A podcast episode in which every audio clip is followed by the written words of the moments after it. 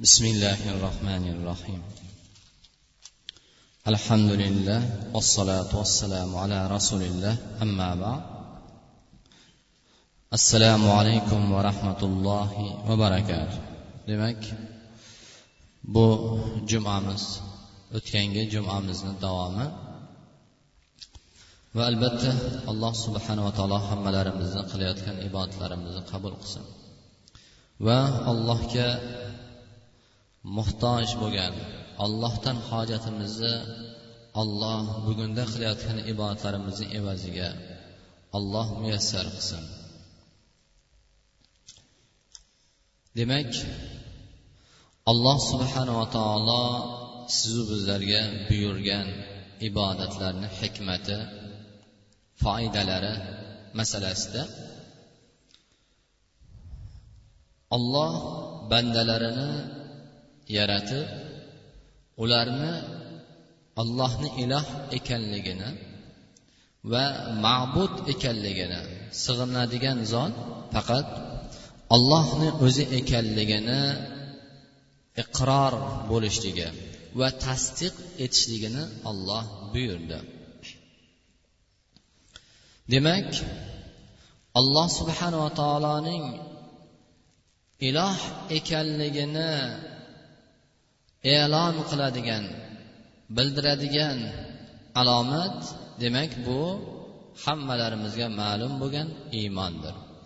Ya'ni iymon kalimasini aytishlik bilan ya'ni shahodat guvohlik keltirishlik bilan inson bir millatdan ikkinchi bir millat islom millatiga o'tadi.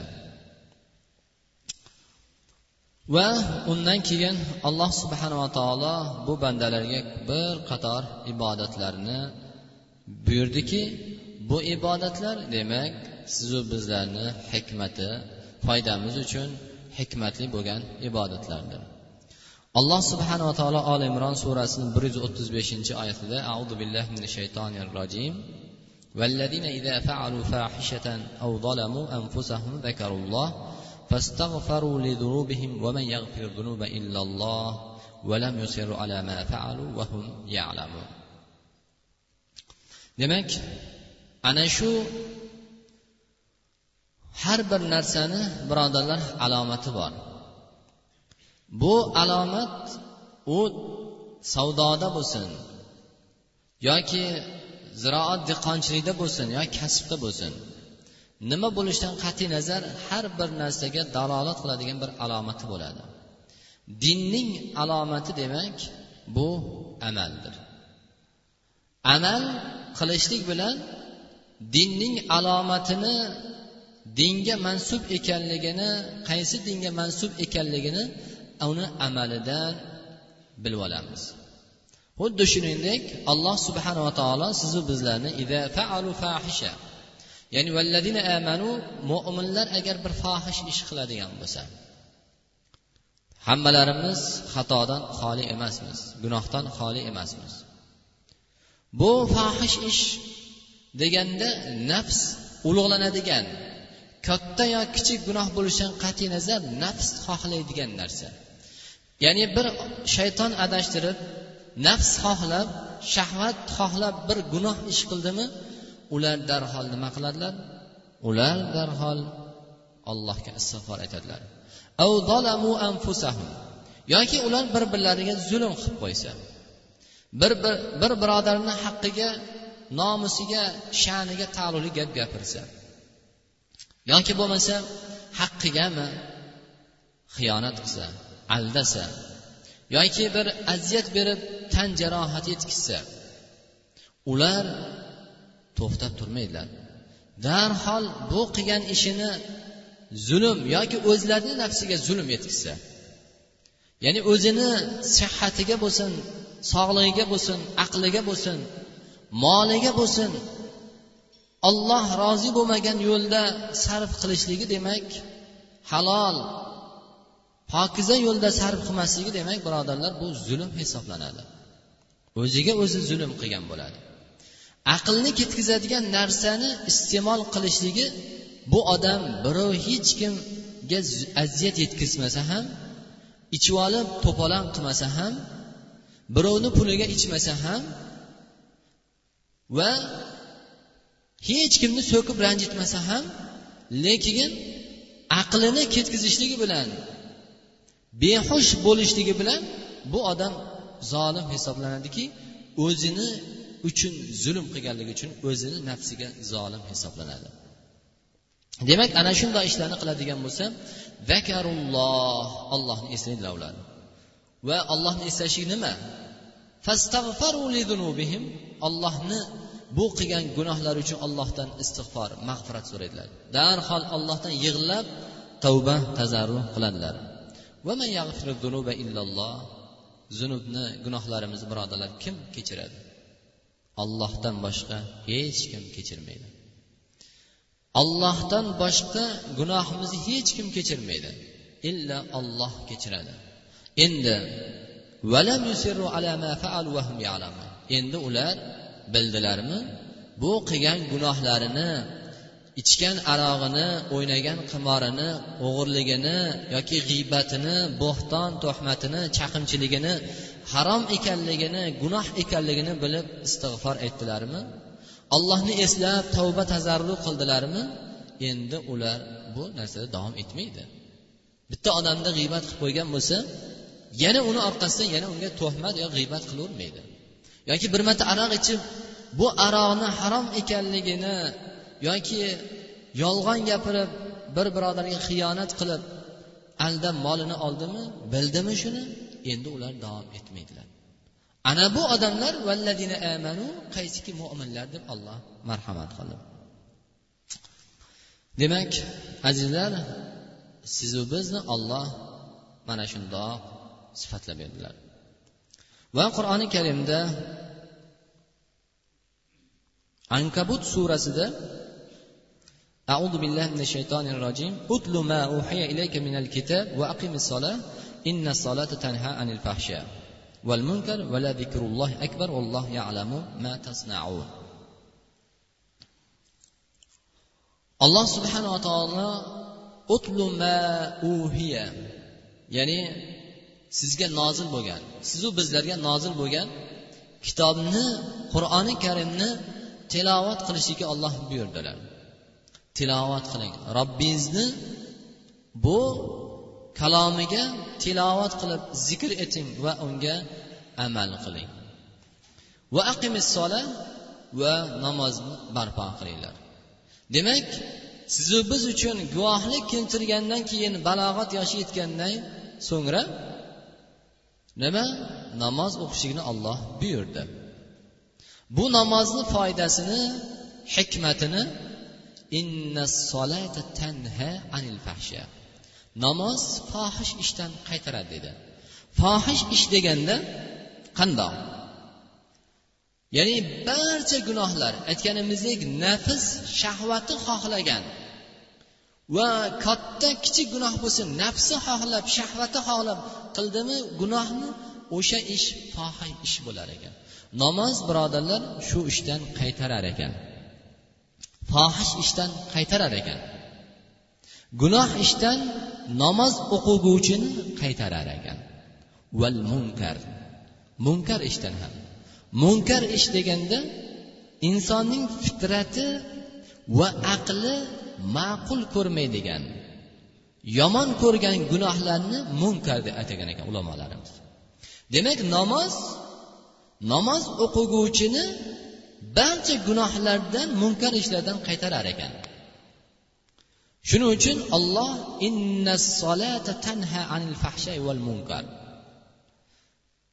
va mana shu oyatni tafsirida abdulloh ibn abbos roziyallohu anhudan hadis kelgan ekanlarki من لم تنحه صلاته عن الفحشاء والمنكر لم تزده من الله إلا بعدا agar namoz o'qiguvchini namozi yuqoridagi aytgan fohish munkar.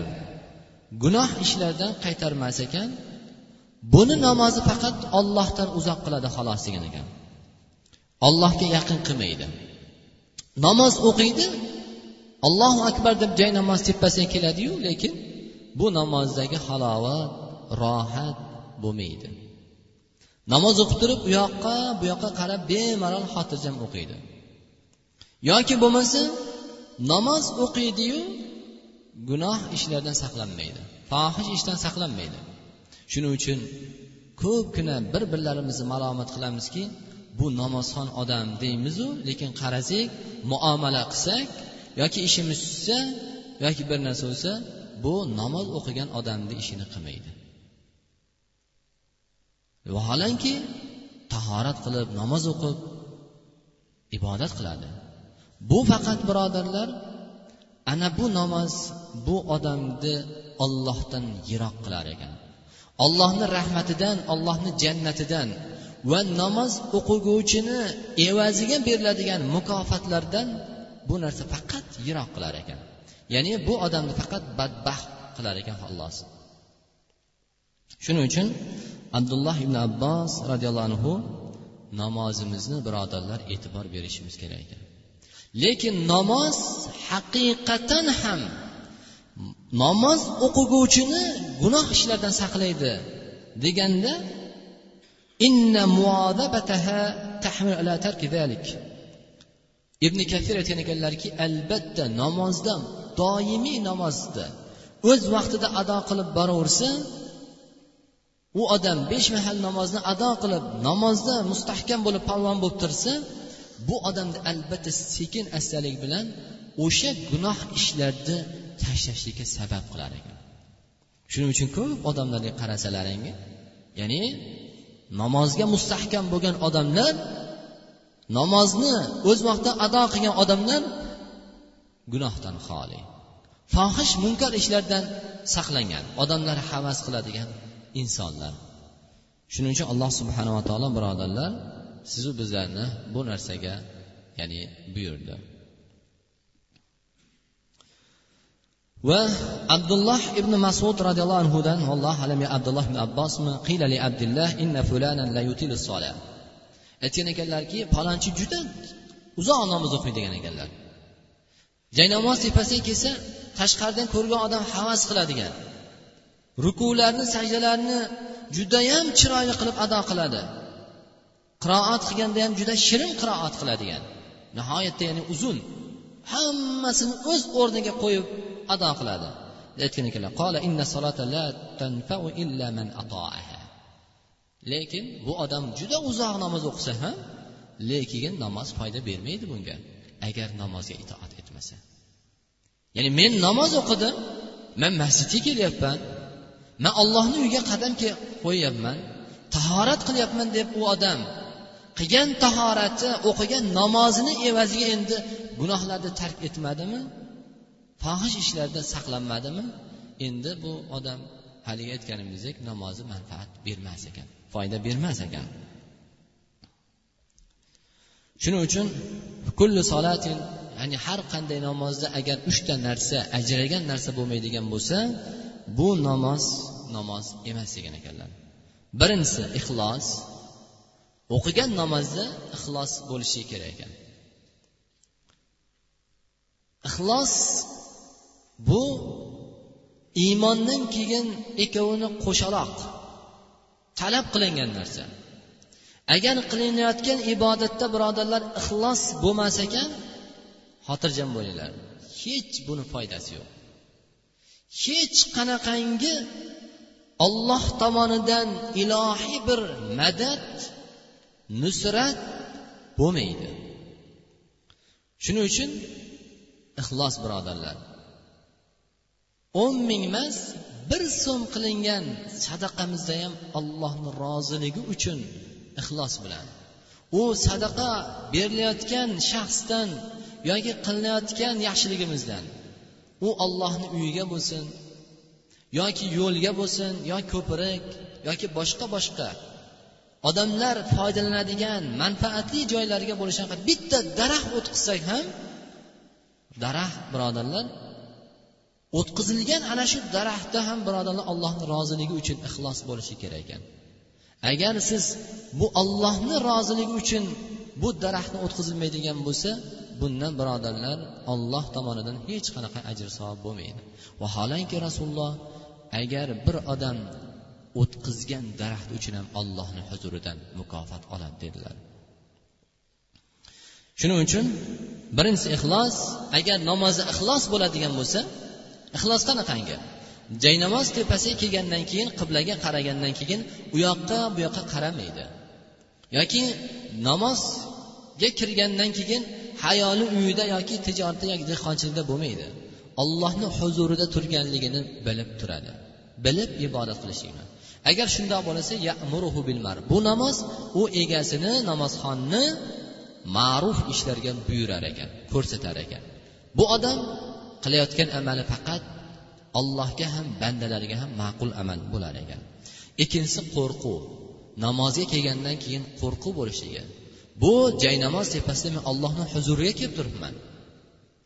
Unaqa emaski jaynamoz tepasiga kelib namozxonlarni kuzatib yoki bo'lmasa hayoli ko'chada yoki moli dunyosida yoki boshqa bir g'araz bilan kelishi emas men robbimni huzurida turibman bu joy namoz tepasida xuddi bir ulug' bir kishini huzurida turganda qanaqangi bir turganimizdek undan ham ulug'larni ulug'i bo'lgan zotni huzurida turganligimizni esdan chiqarmasdan qalbimizda his qiladigan bo'lsak bu namoz u insonni munkar ishlardan gunoh ishlardan qaytarar ekan. Uchinchisi zikr. Agar kim namozda zikr bilan turadigan bo'lsa ya'ni qur'on o'qiydi albatta namozda. Bu qur'on zikr bo'lgandan keyin nima? U egasini gunoh ishlardan qaytaradi va ma'ruf ishlarga buyuradi.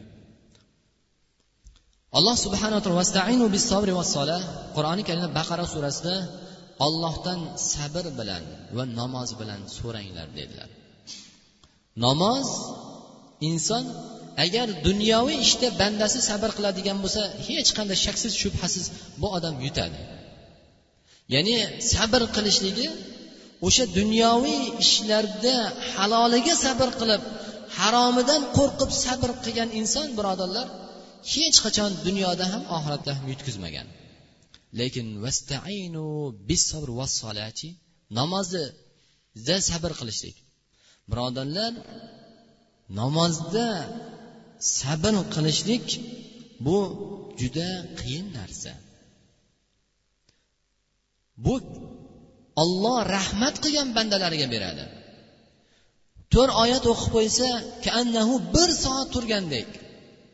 Lekin bir odamni g'iybat qilib turadigan bo'lsa behuda befoyda narsa uchun tursak soatlab turamiz. Lekin namozda birodarlar sabr qilib turishlik bu katta bir ne'mat birodarlar. Agar mana shu joyda hozir bir bet o'qiladigan bo'lsa bir rakatga annahu bir kun namozda turgandek his qilamiz. Yo'q namozda birodarlar vastainu sabr namozda sabr qilishlik nima bo'lar ekan? Buni natijasi inna solata tanha anil fahshay val munkar haligi namoz sabr qilib rukularini rukunlari bilan vojiblari bilan sunnatlari bilan mustahablari bilan ado qilingan namozda mana shu sabr bilan ado qilinadigan bo'lsa haligi aytganimizdek fohish munkar ishdan saqlaydi. Va undan keyin innaha rizq rizq olib kelar ekan. Shuning uchun ba'zi bir birodarlar topayotgan mol dunyosida baraka yo'qligidan shikoyat qilsa birodar namoz o'qing desa ensasi qotadi. Vaholanki namoz birodarlar rizqni chaqirar ekan. O'sha odamni mol dunyosiga rizqiga baraka berar ekan. Chunki alloh subhana taolo vamur ahlaka bis vastabir alayha la nas'aluka rizqan nahnu narzuquk val aqibatu littaqwa. Ya'ni o'zingizni ahlingizni namozga buyuring dedilar. O'zimiz namozni o'qiganimizdan keyin ahli ayolimiz farzandlarimizni ham namozga buyurishimiz kerak ekan. Va allohni qarangki rahmdilligini vostabir alayha. Endi namozga buyurganda san badbah namoz o'qimading deb uni qarg'ab yoki urib birovni sindirish emas sabr qilinglar endi unga. Nihoyatda sabrni ham yuqori darajasini sabr bilan. E bolam yo e ahlim namoz o'qisa mana bunday olloh bir marhamat qilar ekan deb laynlik bilan chiroylik muomala bilan uni fazilatini uni namoz o'qishlikni hikmatini foydalarini chiroyli qilib sabr qilib tushuntirib borishimiz kerak ekan. Bir marta aytib qo'yib namoz o'qimasa bo'ldi buni badbaxt deb turib uni orqasidan qarg'ab buni kofir boshqa qilishlik emas ekan. Vastabir alayha ya'ni unga nihoyatda sabrni balog'at jihatida ko'rsatdi. Biz sizdan rizq so'ramaymiz. Vaholanki biz sizni rizqlantiramiz. Demak alloh subhanava taolo bu oyatda olloh namozga va namoz o'qishlikni ado qilishlik va buyurishlikni aytib bayon qilib rizqni bayon qildi. Demak birodarlar ulamolarimiz aytgan ekanlarki demak inson nima? Ado qilishlik bilan rizqini ham topar ekan namozni ado qilish bilan alloh baraka berar ekan. Va albatta ya'ni oxirat muttaqin insonlarga. O'tgangi jumamizda aytganimizdek oxirat bu faqat muttaqin odamlarga muttaqinlar kim? O'tgangi jumada bildik. Vaholanki shuning uchun ham rasululloh sollallohu alayhi vasallam ya'ni hadis u zotdan agar biror og'ir tashvish keladigan bo'lsa o'z jonigami moligami ahligami bir tashvish g'am keladigan bo'lsa darhol namoz o'qirkan. Biz birodarlar rasululloh payg'ambarimiz sallallohu alayhi vasallam namoz o'qirganlar.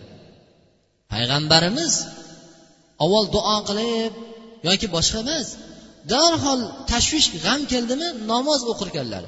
Yaxshilab ikki rakat tahorat qilib ikki rakat namoz o'qib u zot darhol ollohdan so'rar ekanlar. Shuning uchun tashvishimizni eng avvalo mana bundoq boshlashimiz kerak. U zotga ummat deb o'zimizni nisbat qilyapmizmi demak tashvishimizni darhol ollohdan namoz o'qib so'rashimiz kerak ekan birodarlar. Demak o'tirganlar bir o'zimizga so'rab qo'yaylik. Tijoratimizdami ziroatimizdami bosh oilamizdagimi o'zimiz jonimiz sog'lig'imizdagimi tashvishimizga qani qachon namoz o'qidik necha marta namoz o'qidik?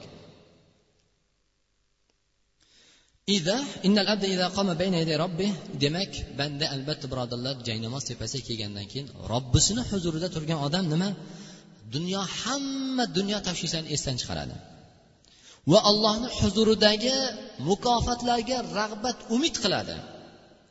Va ollohni azobidan ollohni jazosidan qo'rqadi.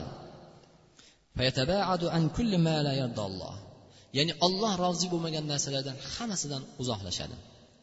Va alloh buni evaziga nima beradi? Va va yahdi. Alloh uni rizq beradi va alloh hidoyatga boshlaydi. Shuning uchun ham alloh subhanava taolo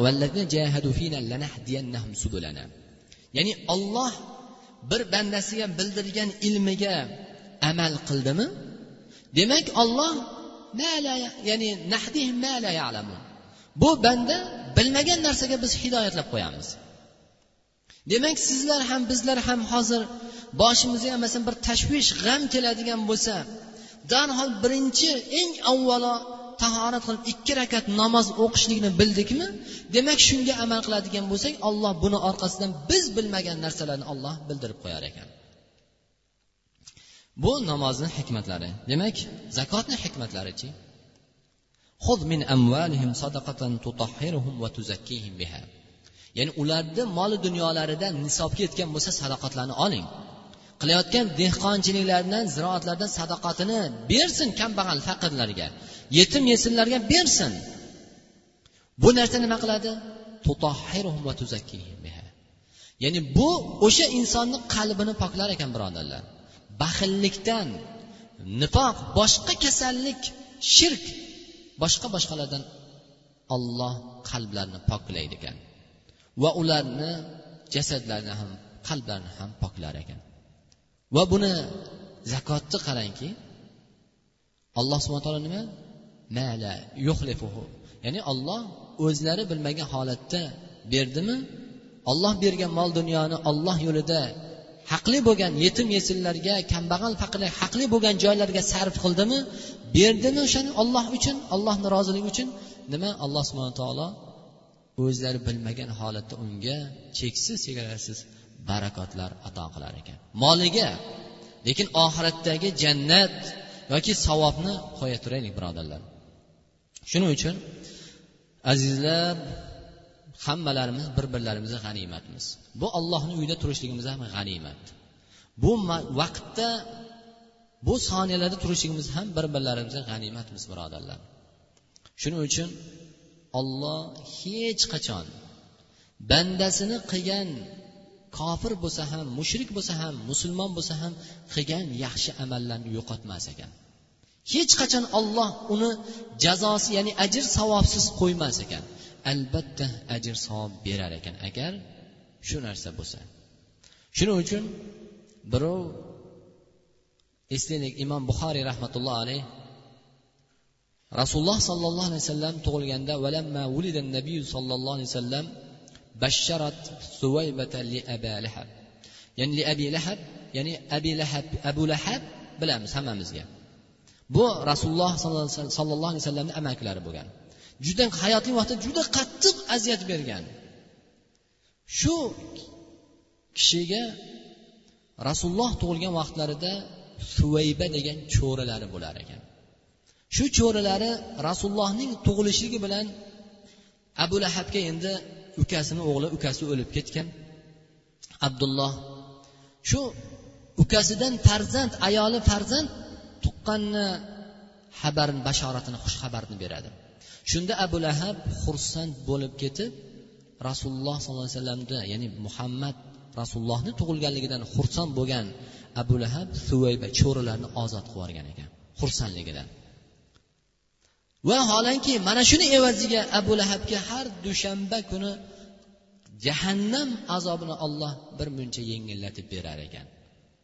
Rasulullohning tug'ilganda xursand bo'lganligini evaziga vaholanki birodarlar sizu biz iymon keltirib u zotni dunyoga kelganiga xursand bo'lib u zotni payg'ambar ekanligiga xursand bo'lib u zotni diniga iymon keltirib amal qilgan bandalarga alloh qanaqangi bir mukofotlar berar ekan?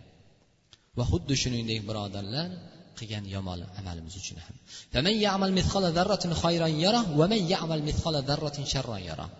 Ya'ni inson bir burchaklarda hech kim bilmaydigan joyda hech kim ko'rmagan eshitmagan qilgan yaxshi amalini ham olloh qiyomat kunida biz olib kelamiz mezonga taroziga olloh uchun yordam qilib bir kambag'al faqirgami ollohni uyigami masjidgami yo'lgami boshqagami qilgan zarracha yaxshini hech kim bilmagan bo'lsa ham biz mezonda qiyomat kunida taroziga olib kelib tortamiz uni. Zarracha bo'lsa ham birodarlar.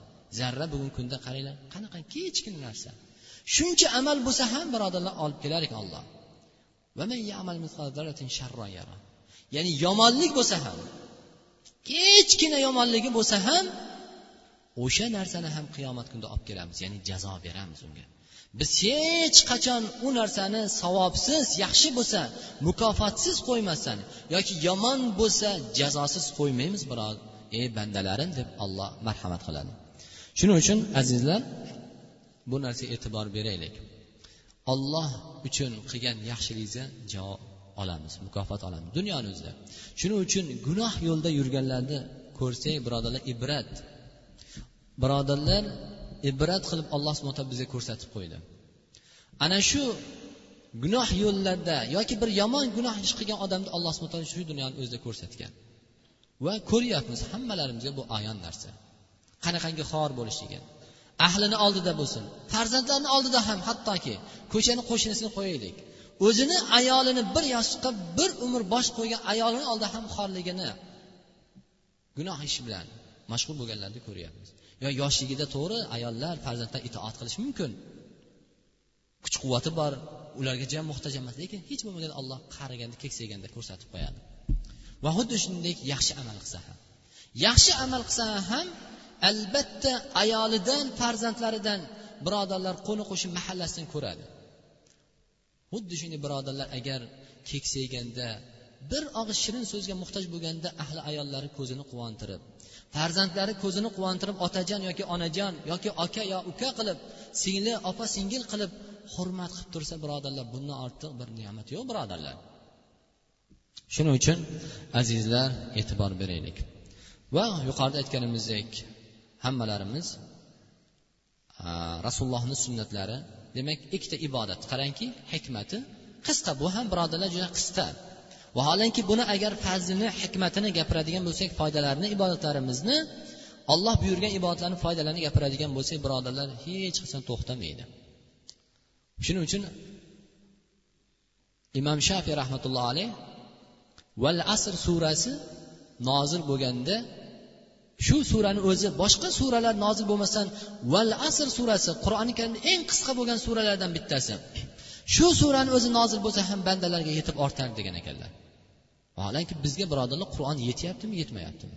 Undan tashqari hadislar bizni hayotimizda chiroyli yashab birovga zulm qilmasdan allohni diniga allohni rasuliga ya'ni xiyonat qilmasdan bir birodarimizga xiyonat qilmasdan yaxshi bir bir birlariga yaxshi muhabbatli bo'lgan holatda ollohni diniga ollohni rasuliga xizmat qilib itoat qilib ollohni uyiga masjidiga itoat xizmat qilib o'tkazyapti yetarli bo'lyaptimi yetarli bo'lmayapti. Vaholanki imom shafiy birodarlar val asr surasi kifoya bo'ladi degan ekan bandalariga.